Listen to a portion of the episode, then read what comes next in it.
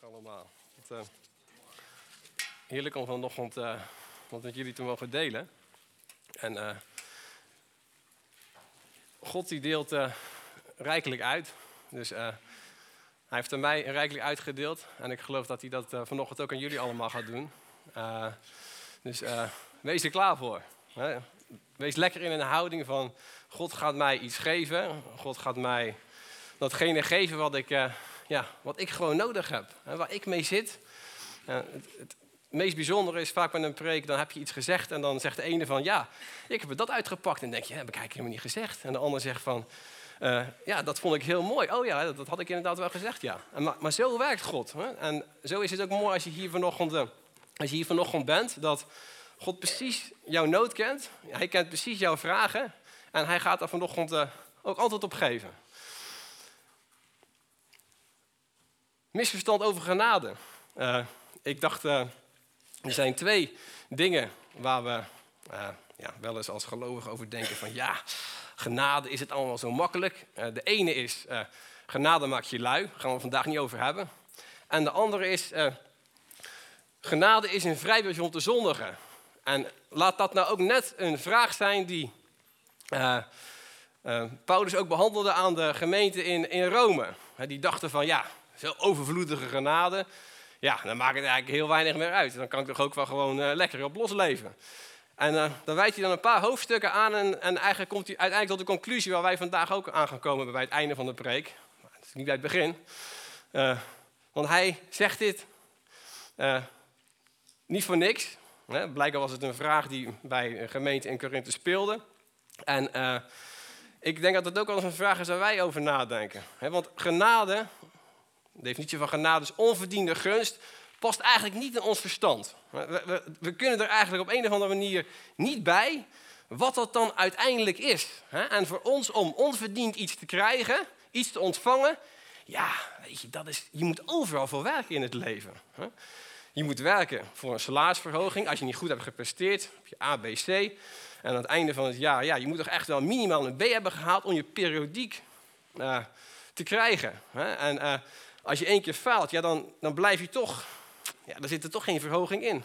Dus je moet toch goed gepresteerd hebben, je moet iets gedaan hebben om uiteindelijk datgene ja, te krijgen wat je eigenlijk minder meer verdiend hebt. Dus voor ons, om iets te ontvangen wat we niet hebben verdiend, maar toch krijgen, weet je, dat is heel moeilijk. En dan gaan we ons allerlei vragen stellen die eigenlijk de gemeente, de, de christenen, de gelovigen in Rome ook stelden. Dus Paulus die heeft het niet tegen een steltje ongelovige mensen, waar die vandaag, nou, die moet ik dan toch wel echt eens eventjes aangeven om echt eens even uit te leggen wat nou genade is. Nee, hij, had het, hij, hij sprak tegen gelovigen. Dus als wij met allerlei vragen hier zitten en je gelooft en je hebt allerlei vragen, is helemaal geen probleem. Is helemaal niet erg. Hè? God gaat op die vragen juist antwoorden geven. Het is juist heel goed om vragen te hebben. En als je als je echt worstelt in je hart van, ja, wat is het nou? Is het echt voor mij? Kan ik het wel echt ontvangen? Deel die vragen gewoon met God. En dan kan hij er ook antwoord op geven. En hij je ook een weg daarin wijzen. Ehm, de vorige keer hadden we het eh, in de preek, kan de wet mij redden? Kan de wet mij ja, zalig maken? En uiteindelijk was het antwoord van, nee, kan die niet. Uh, de wet kan jou en mij niet redden. We kunnen er zoveel focus op leggen, maar de wet zal nooit jou en mij redding brengen. Onmogelijk. We kunnen in ons leven heel veel mee bezig zijn, maar de wet gaat jou nooit redden. De Bijbel zegt, het einddoel van de wet is Jezus Christus. Dus we kunnen de wet nog zo goed kennen, maar als we aan het einde zijn en Jezus nog niet hebben ontmoet, Jezus nog niet hebben leren kennen, heeft de wet eigenlijk zijn doel gemist. Dus de wet is niet gebracht om jou en mij een manier te geven. Leef nou zo, dan kom je er wel. Leef nou zo, dan krijg je nieuw leven. Nee. Hm? Wordt wel heel vaak zo misschien gezegd. En misschien in, onze, in ons verstand op een of andere manier ja, worstelen we er toch wel mee. Want ja, die wet was toch eigenlijk niet voor niks gegeven. Nee, die wet was gegeven, zegt het Nieuwe Testament, als een tuchtmeester. Tot welk moment? Tot Christus zou komen. Dus tot, die moment, tot dat moment was die wet van kracht. En eigenlijk met dat idee gaat Paulus, uh, schrijft hij verder aan de gemeente in, uh, in, in, uh, in Rome. En gaan we naar Romeinen 5, vers 20. Genade is groter dan je zonde. Romeinen 5 vers 20 lezen we, de wet echter kwam er nog bij, opdat de overtreding zou toenemen. Maar waar de zonde is toegenomen, daar is de genade meer dan overvloedig geweest. Opdat evenals de zonde geregeerd heeft tot de dood, zo ook de genade zou regeren door rechtvaardigheid tot het eeuwige leven. Door Jezus Christus, onze Heer.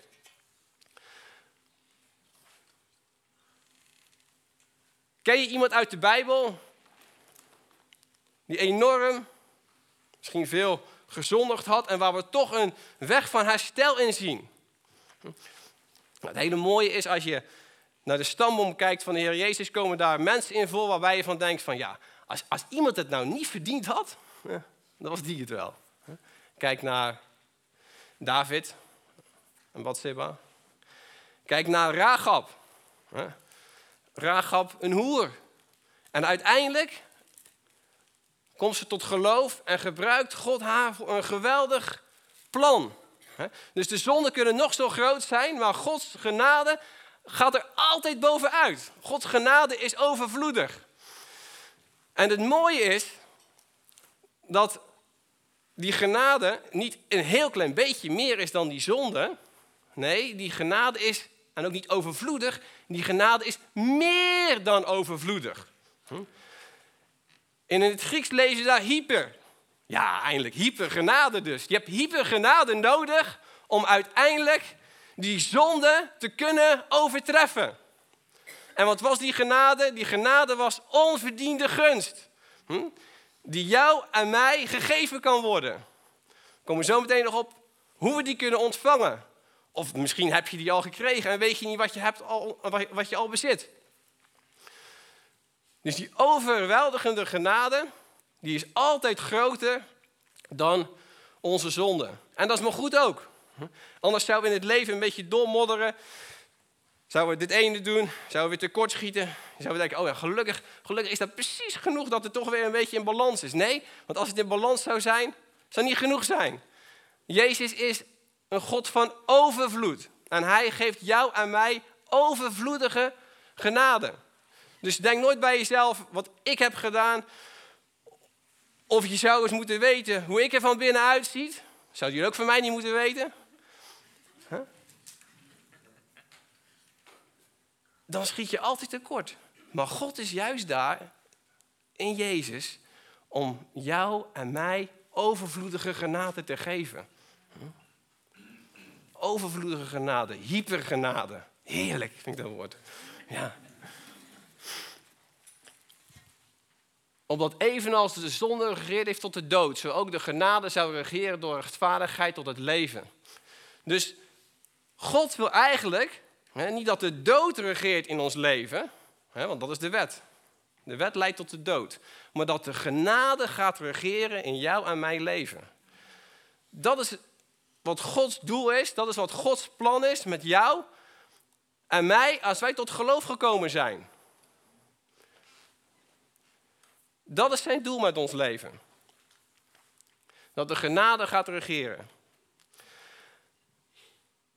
En dan ga je hele mooie ontdekkingen doen, dan ga je hele mooie dingen zien, dan ga je opgebouwd worden, dan ga je de zegen van God in je leven ervaren. Want die zegen van God, die rust op jouw leven. Het is niet de vraag of God jou wil zegenen, het is de vraag of jij de zegen van God in je leven ziet. En in Jezus mogen we die zegen ontvangen. Genade is groter dan je zonde. Nou, nu de gemeente dit heeft gehoord en nu jij, u dit heeft gehoord en de Romeinen dit hebben gehoord, denken ze van, dit is te goed om waar te zijn. Too good to be true. Dus welke vraag gaan ze zich vervolgens stellen? Volgende sheet. Wat zullen we dan zeggen? Zullen wij in de zonde blijven opdat de genade toeneemt? Ja, dat is eigenlijk best een logische vraag. Want meer zonde is ook meer genade. Dus zou God dan uiteindelijk met mij willen dat ik meer ga zondigen, dan heb ik hem ook meer nodig. Ja, dat is eigenlijk best wel logisch. En die, die vraag stelt Paulus ook twee tot drie keer toe in zijn hele brief. En elke keer zegt hij, volstrekt niet. Nee. Als dit je antwoord is, dan mis je mijn punt. Want uiteindelijk is het tegenovergestelde is waar. Zullen we in de zonde blijven dat de genade toeneemt? Volstrekt niet. Hoe zullen wij die met betrekking tot de zonde gestorven zijn nog daarin leven? Juist niet. Juist niet. En hij zegt niet zomaar volstrekt een beetje niet. Nee, absoluut, absoluut niet. Een dubbele ontkenning gebruikt hij hier. Dus mochten we nog hij heeft het natuurlijk geschreven, dus hij kan niet zeggen, nee, nee, nee. Dat kan je niet zeggen. Hij moet het heel, heel krachtig opschrijven. Hij zegt, absoluut, volstrekt, volstrekt niet. No way. Maar dan zijn we natuurlijk heel benieuwd wat hij daar dan na nog allemaal te zeggen heeft. Want ja, waarom dan niet uiteindelijk? En gelukkig laat God het Paulus allemaal tot in de puntjes uitleggen. Zodat je uiteindelijk niet zegt, wanneer je dit leest en denkt van ja, ik ga maar lekker in mijn zonde blijven. Dat je uiteindelijk zal concluderen, nee, ik ben verlost van mijn zonde. God wil niet meer dat ik in die zonde leef. God heeft me juist al uit die zonde getrokken en heeft mij een nieuw leven gegeven. En dat nieuw leven mag ik leven in geloof.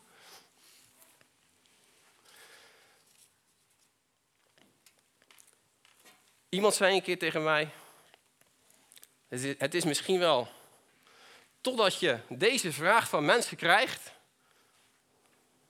dat je je realiseert: ik spreek over genade. Paulus, die dus eigenlijk een beetje aan het twijfelen. Ze probeerden Paulus als het ware aan het twijfelen te brengen. Paulus die hypergenade sprak, overvloedige, overweldigende genade. Dat de mensen zaten en dachten van, tja, ja maar Paulus, dus jij zegt eigenlijk dit. Want ze leggen hem eigenlijk min of meer de woorden in de mond. Maar Paulus zegt, nee, nee, ik zeg dat absoluut niet. Als je tot geloof gekomen bent, als je het nieuwe leven hebt ontvangen, dan ben je juist uit die put getrokken. En dan zal dat nieuwe leven zal zich nooit kenmerken dat jij in die zonde bent blijven hangen. Nee, het zal juist zich kenmerken dat jij, dat er met de zonde in je leven is gebroken. Wat hebben we net gezongen? You are no longer slaves. Je bent geen slaven meer van de zonde. We mogen Jezus dienen.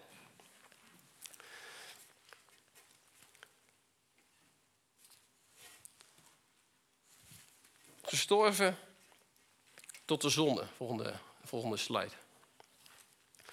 Of weet u niet dat wij alle die in Christus Jezus gedoopt zijn, in zijn dood gedoopt zijn?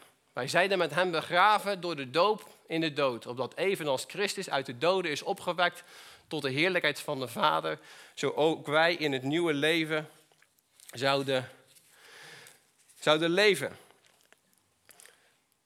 Weet je, de duivel die probeert ons altijd een soort van plaatje voor te stellen dat zondige leuk is.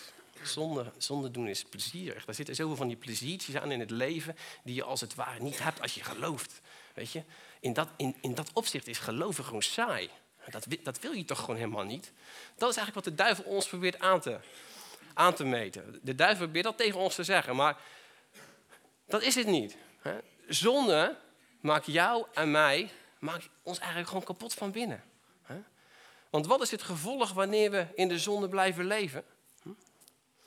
Het zal altijd tot gevolg hebben dat we ons schamen, dat we ons schuldig voelen, dat, we, dat er een, een zekere mate van angst in ons leven komt, waarin we denken van ja, ja, hebben we het nou wel? Hebben we het nou uiteindelijk niet? En Jezus wil juist jou en mij daarvan verlossen. Als we ons soms in dingen doen die we eigenlijk niet willen doen, en we doen ze toch. We denken dingen die we eigenlijk niet willen denken. Dan zegt Jezus van, ik heb daar een oplossing voor. Ik heb jou uiteindelijk het nieuwe leven gegeven. Het nieuwe leven in Jezus is niet een leven wat jij en ik soort van ja, nog moeten gaan verdienen. Of soort van moeten gaan, gaan leven en dan maar laten zien dat dat leven heel nieuw is.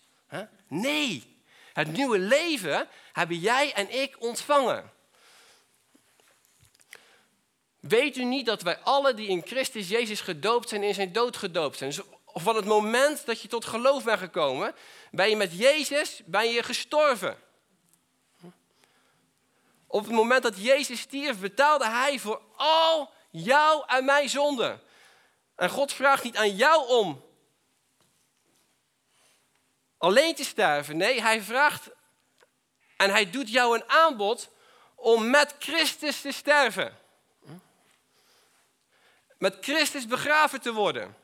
Want op, op dat moment rekende Jezus in jouw plaats af voor de straf die jij en ik hadden verdiend op de zonde.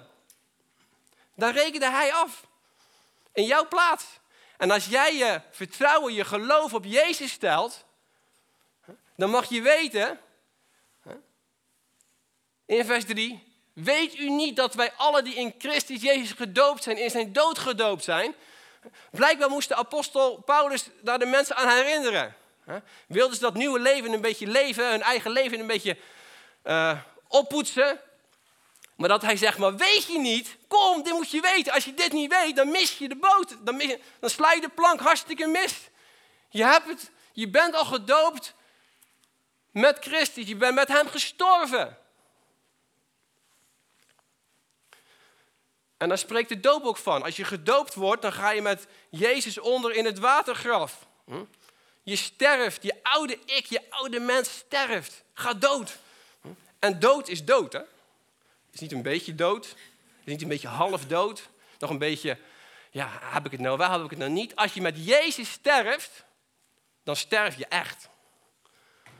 Wij zijn er met hem begraven door de doop in de dood, omdat evenals Christus uit de doden is opgewekt tot de heerlijkheid van de Vader, zo ook wij in een nieuw leven zouden wandelen.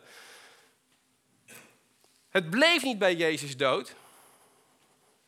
Jezus stierf, maar wat gebeurde daar? Een paar dagen later. Jezus stond op uit de dood. Jezus had de dood, de dood was overwonnen. De dood had niet het laatste woord. Het offer wat Jezus daar bracht was, was meer dan genoeg. Voor jou en voor mij. Toen hij opstond uit de dood, zijn offer werd volledig geaccepteerd. Zijn offer zou genoeg zijn voor de zonde van de hele mensheid. En als jij dat gelooft, met hem bent gestorven en ook weer bent opgestaan met hem, want hij bleef niet in de dood, dan heb jij, wat heb jij ontvangen? Een nieuw leven. En in dat nieuwe leven mogen we wandelen. We hoeven niet stil te staan. ik heb het nieuwe leven ontvangen. Ja, het maakt me eigenlijk helemaal niet blij. Nee, als wij gaan wandelen in dat nieuwe leven, dat maakt je blij. Weet je?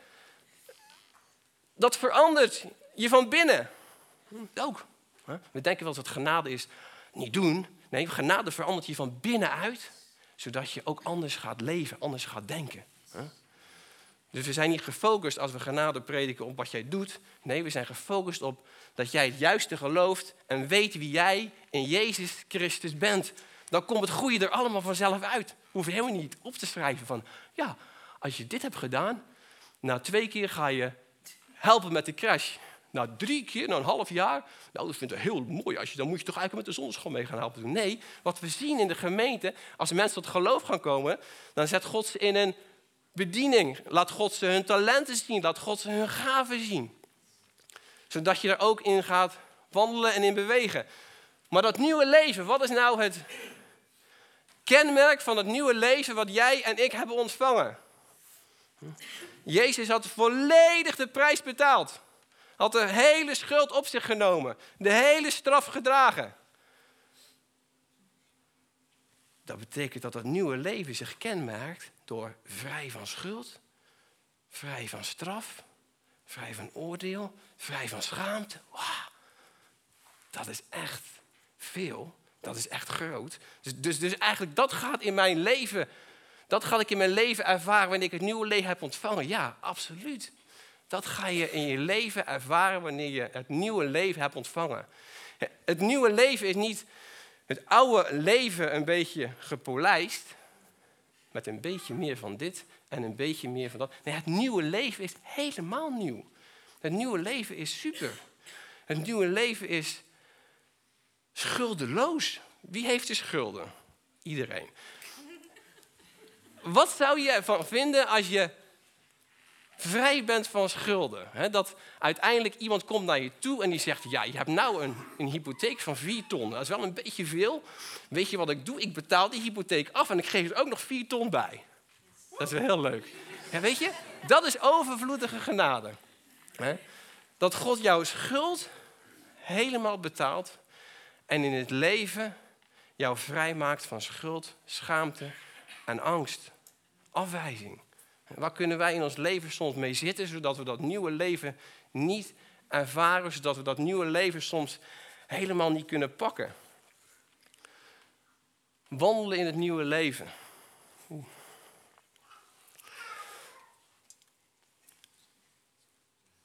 Romeinen 6, vers 23 zegt: Het loon van de zonde is de dood. Dus er moest een prijs betaald worden voor datgene wat jij en ik hadden fout gedaan. The wage of sin is death. En wie heeft dat betaald? Kan jij dat zelf betalen? Kan ik dat zelf betalen? Ook al zouden we het kunnen. Ook al zouden we het denken te moeten doen. En dat hebben we ook heel vaak het idee. Er moet toch iets tegenover staan. Dan hoor je weer die mensen in de gemeente in Rome. Ja, zij zijn natuurlijk veel anders dan dat wij zijn. Dan hoor je ze weer denken van... Ja, Paulus, is het nou zo makkelijk? Kom maar.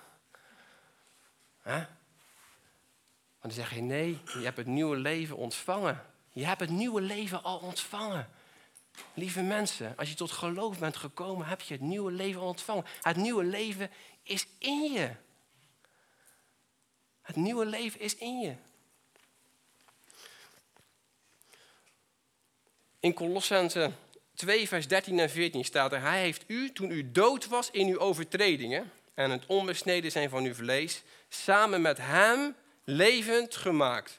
Door u al uw overtredingen te vergeven. En het handschrift dat tegen ons getuigde uit te wissen. Dit handschrift met zijn bepalingen tegen ons gericht. En hij heeft dat uit het midden weggenomen door het aan het kruis te nagelen.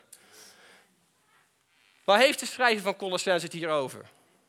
De wet. De wet met al zijn bepalingen. Al zijn regels. De tuchtmeester tot Christus heeft hij aan het kruis genageld. Is aan het kruis genageld en is voor gestorven. Hij heeft ervoor betaald. En hij heeft al onze overtredingen vergeven. En ik denk, daar wringt de schoen een beetje. Want dat vinden wij zo moeilijk te bevatten, dat al onze overtredingen, vanaf onze geboorte, tot ons, totdat we tot geloof komen, of nee, of toch van ons, ja, tot, ja, ja veel meer eigenlijk, toch? Niet alleen maar toen we tot geloof kwamen, nee, vanaf dat we geboren zijn, tot helemaal tot we er tot we sterven en bij hem zullen zijn. Helemaal tot dat moment, vanaf het begin tot het einde, al onze overtredingen heeft hij vergeven. En in die vergeving mogen wij staan. In die vergeving mogen wij leven. Nou, ik kan je één ding zeggen. Ik voelde mij een enorme slaaf van de zonde tot het moment dat ik die vergeving in mijn leven ging ervaren, ging geloven. En weet je, het is zo moeilijk. Soms denk ik wel, soms zeg ik wel eens tegen elkaar, hoe werkt dat nou uiteindelijk? En dat ga je uiteindelijk geloven. Ik wil het geloven, wil ik niet als een soort van werk zien. Dat is het ook niet. Maar ik weet wel dat ik het honderden keren heb gehoord. Ja, God had zoveel geduld met mij. Dat ik het uiteindelijk toch ging geloven. Ik ging het niet doen of zo, nee. Het zonk in mijn, ja waar eigenlijk? Ja, in mijn verstand, in mijn hart, in mijn ziel, in mijn geest. Het kwam overal binnen, totdat ik het uiteindelijk ging geloven. En dat ik wist, al mijn overtredingen heeft hij voor geboet. En omdat hij voor al mijn overtredingen heeft geboet, mag ik het nieuwe leven leven wat hij mij heeft gegeven. Ik zou hem tekort doen als ik zou denken, heeft hij alles vergeven? Of toch een paar dingen niet? Vaak is het ons ongeloof dat we denken, dit kan hij niet vergeven. Ik doe het alweer. Ik schiet alweer tekort. Wat mogen we dan zeggen? Nee, Jezus heeft ervoor betaald. Jezus is ervoor gestorven. Ik hoef er niet opnieuw nog een keer voor te sterven. Wat hij heeft gedaan, eens en voor altijd, voor al mijn overtredingen, het is betaald. En als er voor betaald is, dan hoef jij niet nog een keer te betalen. Je kan het misschien wel willen, soms ook een probleem. Wij willen heel graag nog een keer betalen. Dat willen wij graag. Maar als wij met onze cheque naar God toe gaan en wij zeggen: God, ik wil er eigenlijk nog voor betalen, dan zegt hij: Waar heb jij het over? Waarvoor betalen? Je hoeft dat niet meer te betalen. Hij zal het helemaal niet aannemen. Dus wij kunnen nog zoveel dingen willen doen en willen offeren aan hem, maar hij gaat jouw offer niet aannemen. Want hij heeft het volmaakte offer van Jezus aangenomen. En op het moment dat hij iets van ons zou aannemen, dan zou hij eigenlijk zeggen, dat offer van Jezus, ja, daar kwam toch nog een beetje, daar, werd toch nog in tekort geschoten. Maar nee, zijn offer was volmaakt. Zijn offer was helemaal perfect. En wat is nou het gevolg wanneer jij en ik in dat nieuwe leven gaan leven? Wanneer jij en ik in dat nieuwe leven gaan wandelen. Wanneer jij en ik in dat nieuwe leven gaan staan. Volgende slide. Dit weten wij toch. Zo leuk, hè? Hij zegt elke keer van dit weten wij toch. Alsof hij het al honderd keer heeft verteld. Alsof het al keer op keer is herhaald in, de kerk. Het is een heel positieve benadering, hè? Dus dat zeg ik uit tegen jullie. Dit weten jullie toch? Dit weten jullie toch? Dat je oude mens met hem gekruisigd is opdat aan het lichaam van de zonde zijn kracht zou ontnomen worden. En wij niet meer als slaaf de zonde zouden dienen. Want wie gestorven is, is recht is vrij van de zonde. Niet meer als slaaf de zonde zouden dienen. In de zonde blijven, opdat de genade zal toenemen. Wat bedoel je als je dit leeft? in de zonde blijven, dat zou betekenen dat je in slaap bent van de zonde. Maar je leeft, je leeft het nieuwe leven. Dus dan komt er geen zonde uit. Nee, dan komt dat nieuwe leven eruit met al zijn mooie dingen en al zijn mooie aspecten. En het mooiste daarvan is wel dat jij en ik geen slaaf meer van de zonde zijn. Want jij en ik zijn bevrijd, zijn vrijgepleit van schuld en straf en oordeel. En in datgene wat jij en ik daarin hebben ontvangen, door het geloof mogen wij ook op die manier leven. En nu denk je bij jezelf, maar dit ervaar ik echt helemaal niet. Een slaaf van de zonde, ik ervaar nog dat ik, ik doe zoveel dingen man. Ik doe zoveel dingen die ik eigenlijk helemaal niet wil. En, en, en, weet je, als ik die dingen doe, dan twijfel ik ook iedere keer aan datgene wat Jezus voor mij heeft gedaan. Hm? Wat als je twijfelt? Hm? Ga elke keer weer terug naar de basis. Ga elke keer weer terug naar datgene wat Jezus heeft gedaan en proclameer het uit over je leven. Wat Jezus heeft gedaan toen hij voor jou de dood inging, toen hij voor jou stierf, toen hij de prijs had betaald, toen God zei, het is genoeg. Het is voldoende. Het is meer dan overvloedig. Wat hij voor jou heeft gedaan. Dat is de basis van het feit dat jij en ik niet meer in de zonde hoeven te leven. Er zit dus een verbinding tussen zonde doen en slaaf zijn van de zonde. Of geen slaven van de zonde. Als we geen slaaf meer zijn van de zonde, als we weten vrijgepleit te zijn, als we weten vergeven te zijn, hm, dan zal dit nooit het gevolg zijn. Dan zal het nooit als gevolg hebben dat jij of ik het heerlijk, lekker vind om in de modder te woelen. Nee, helemaal niet. Want we zijn juist van binnen veranderd. Maar natuurlijk, de gemeente in Rome, de mensen die dat horen, dat is zo'n goede boodschap, die, die zoeken toch een beetje de uiterste zeg maar, op. En ik denk soms, als wij soms hier en daar de kantjes een beetje opzoeken en, en, en misschien diezelfde vraag stellen, weet je, dat, weet je, God wil ons gewoon een nieuwe leven geven. Ga daar niet aan zitten twijfelen. En ik geloof dat wij nooit per definitie een houding gaan hebben dat we zeggen, ja, nou, als het toch allemaal gegeven is, dan ga ik er toch lekker op losleven. Nee, geloof ik nooit. Want uiteindelijk dan stel je jezelf weer onder de wet. Dan, en dan maak je jezelf weer als een soort van slaaf van de zonde. Maar Jezus wil dat jij door geloof gaat ervaren geen slaaf meer van de zonde te zijn maar een dienaar van Hem. Dat is toch veel mooier? De kracht van vergeving, de kracht van geen oordeel, dat jij een nieuwe mens bent geworden. Vergeving, wanneer je vergeving hebt ontvangen, betekent dat ook meteen verandering. Hm? Als jij een keer iets fouts hebt gedaan aan een ander en je vraagt daar vergeving voor, en die persoon zegt: Ja, natuurlijk vergeef ik je, dan voel je je toch heerlijk. Dan denk je: Oh, gelukkig. Ik ben zo blij om. Een dag later kan je gewoon op een normale manier met elkaar omgaan. En dat is wat Jezus voor jou en mij heeft gedaan. Hij heeft die vergeving gegeven. En hij vraagt niet aan jou om elke keer weer terug te komen en te zeggen: ja, Heeft u me dan nog steeds vergeven? Nee, hij vergeeft je eens en voor altijd. En vanaf dat moment mogen we iedere keer pleiten op de rechtvaardigheid, gerechtigheid die hij jou en mij heeft gegeven. Die je in Christus hebt ontvangen. Eens en voor altijd. We gaan naar de volgende, volgende slide toe. Wij nu met Christus gestorven, geloven dat wij ook met hem zullen leven. Wij weten toch dat Christus, nu hij is opgewekt uit de doden, niet meer sterft. De dood heerst niet meer over hem. Want wat zijn sterven betreft is hij eens en voor altijd voor de zonde gestorven. En wat zijn leven betreft leeft hij voor God. Het nieuwe leven, dat is eigenlijk een, eh, weet je, dat is een realiteit voor ons als gelovigen. Je kan het geloven of niet, maar je hebt het gewoon ontvangen. Als jij Jezus kent, als jij Jezus hebt aangenomen in je leven, als jij gelooft dat wat Hij heeft gedaan ook voor jou was, je zegt, ik heb dat gewoon nodig. En dan kan je zeggen, denk, als je misschien denkt, ik heb het niet nodig, je hebt het wel nodig. Echt waar. Als jij dat hebt ontvangen, dan heb jij het nieuwe leven ontvangen. En het nieuwe leven is in jou. Al die dingen die we net lazen, God wil dat jij dat in al zijn volheid ervaart.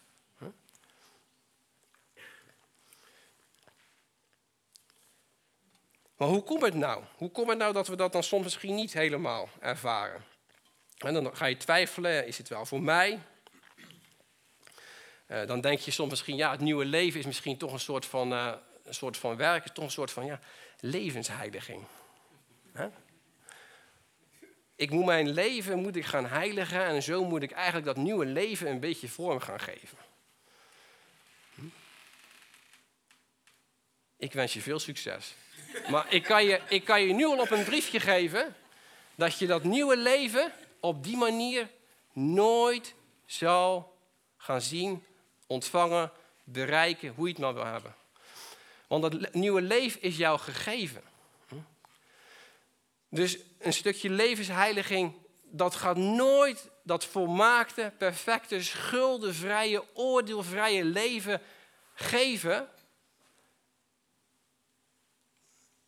dan wat hij eigenlijk al voor jou heeft gedaan. Dat, dan het leven wat hij eigenlijk al gegeven heeft. Dat zou eigenlijk ook niet kunnen. Hè? Want als hij dat zou.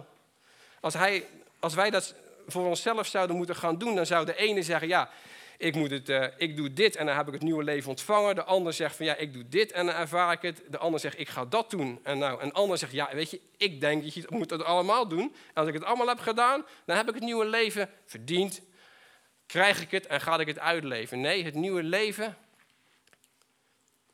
waarin je geen schuld meer hebt. Waarin er geen oordeel meer op je leven rust.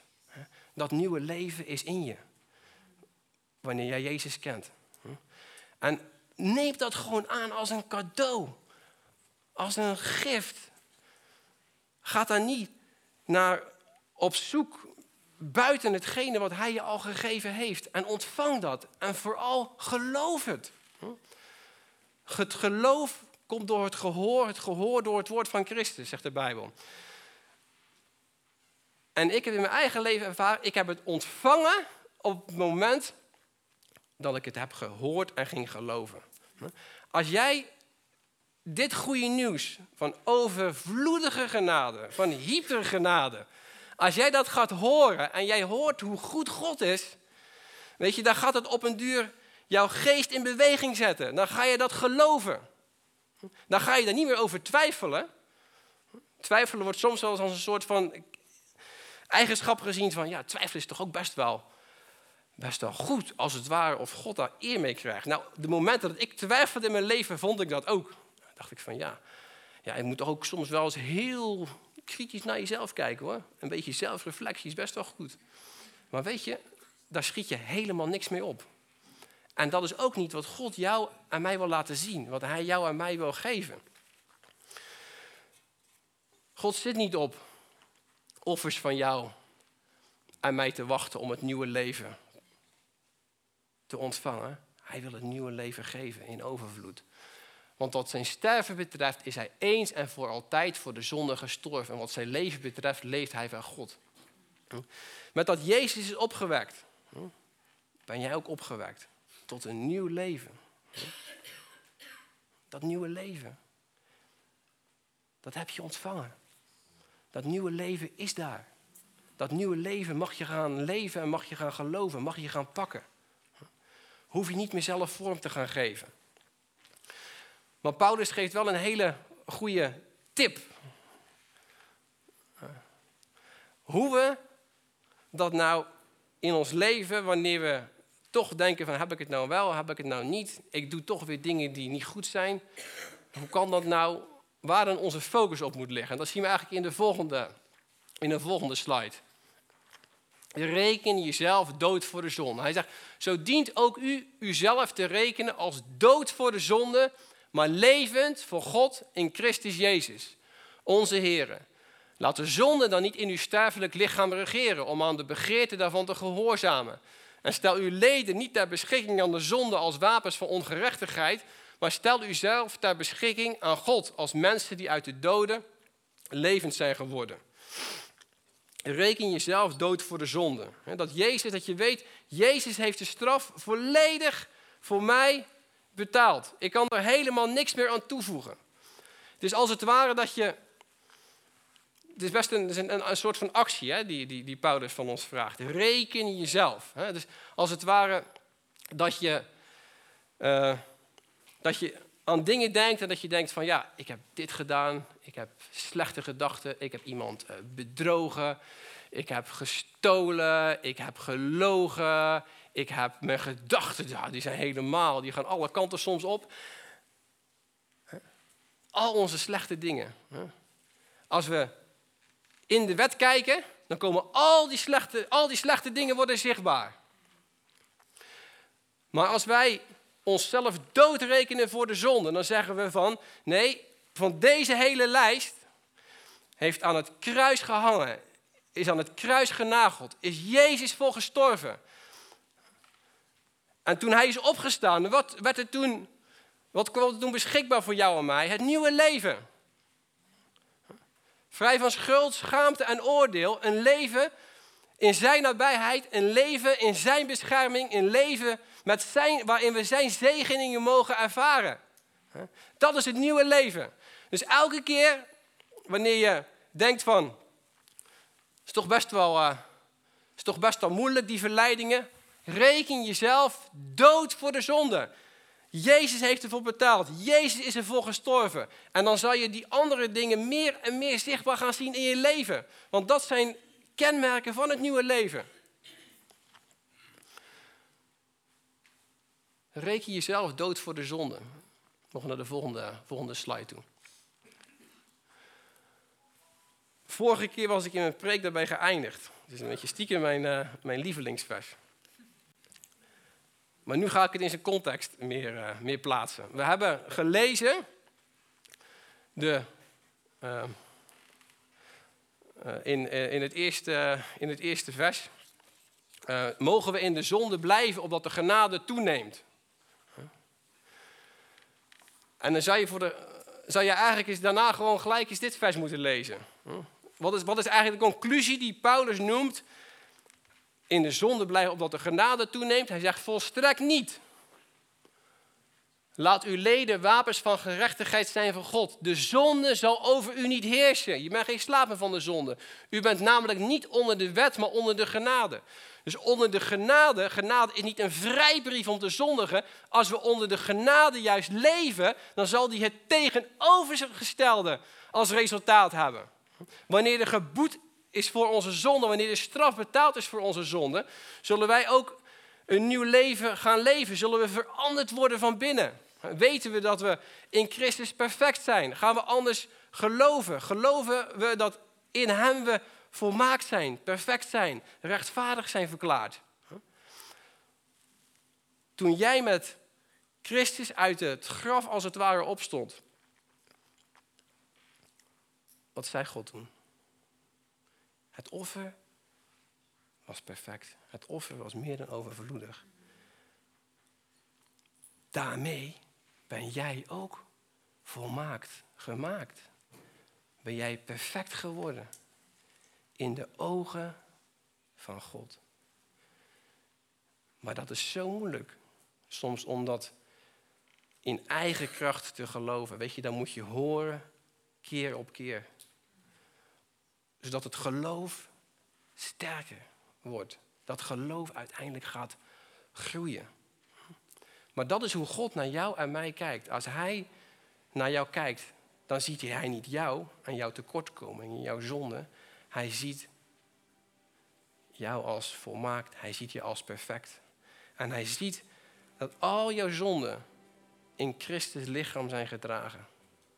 Christus heeft ervoor geboet. Christus heeft ervoor betaald. Dus de oplossing die Paulus hier zegt, de belofte die hij doet, dat de zonde juist niet over je zal heersen. Dus onder de genade, onder de genade, uh, uh, onder de genade meer gaan zondigen, zal de genade tot meer zonde leiden? Volstrekt niet, want je leeft juist onder de genade. Ik kan zeggen dat juist het tegenovergestelde waar is. Wanneer wij helemaal leven in de zonde, dan zullen wij waarschijnlijk juist onder de wet leven. En hebben we de genade misschien helemaal nooit begrepen. Maar, maar je zit hier vanmorgen en God wil dat jij de genade begrijpt, dat jij het pakt. Dat jij weet van wat Jezus voor mij heeft gedaan. Ik mag het in geloof aannemen, want het is ook voor mij. Ik heb het niet verdiend, maar dat is het juist, lieve mensen. Genade verdienen we niet. Paulus zegt, alles is genade, geen genade meer.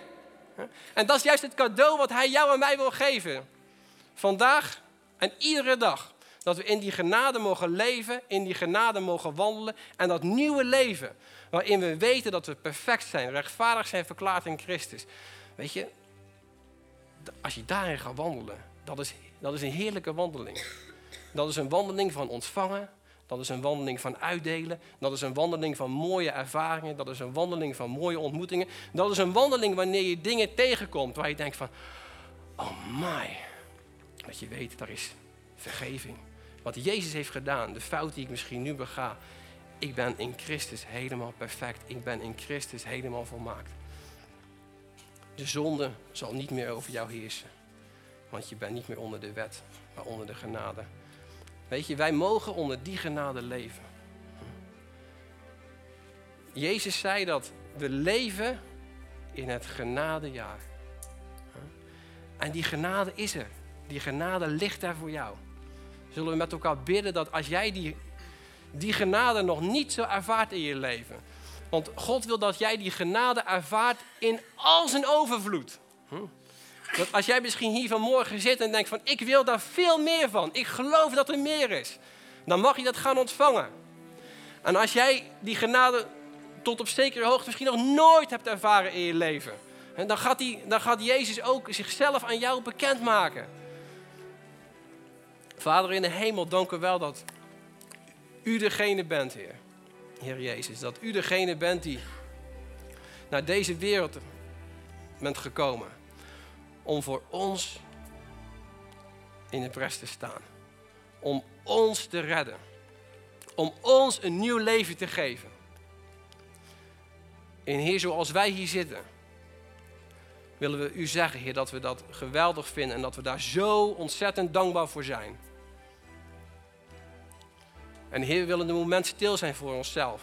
Dat als wij die genade en die redding nog niet hebben ontvangen, Heer, dat we zullen zeggen en het uitschreeuwen in ons hart naar U. Heer, ik wil U kennen als die geweldige redder. Ik wil meer en meer van die genade in mijn leven gaan zien. Ik wil dat nieuwe leven, wat U hebt gegeven, wil ik ontvangen.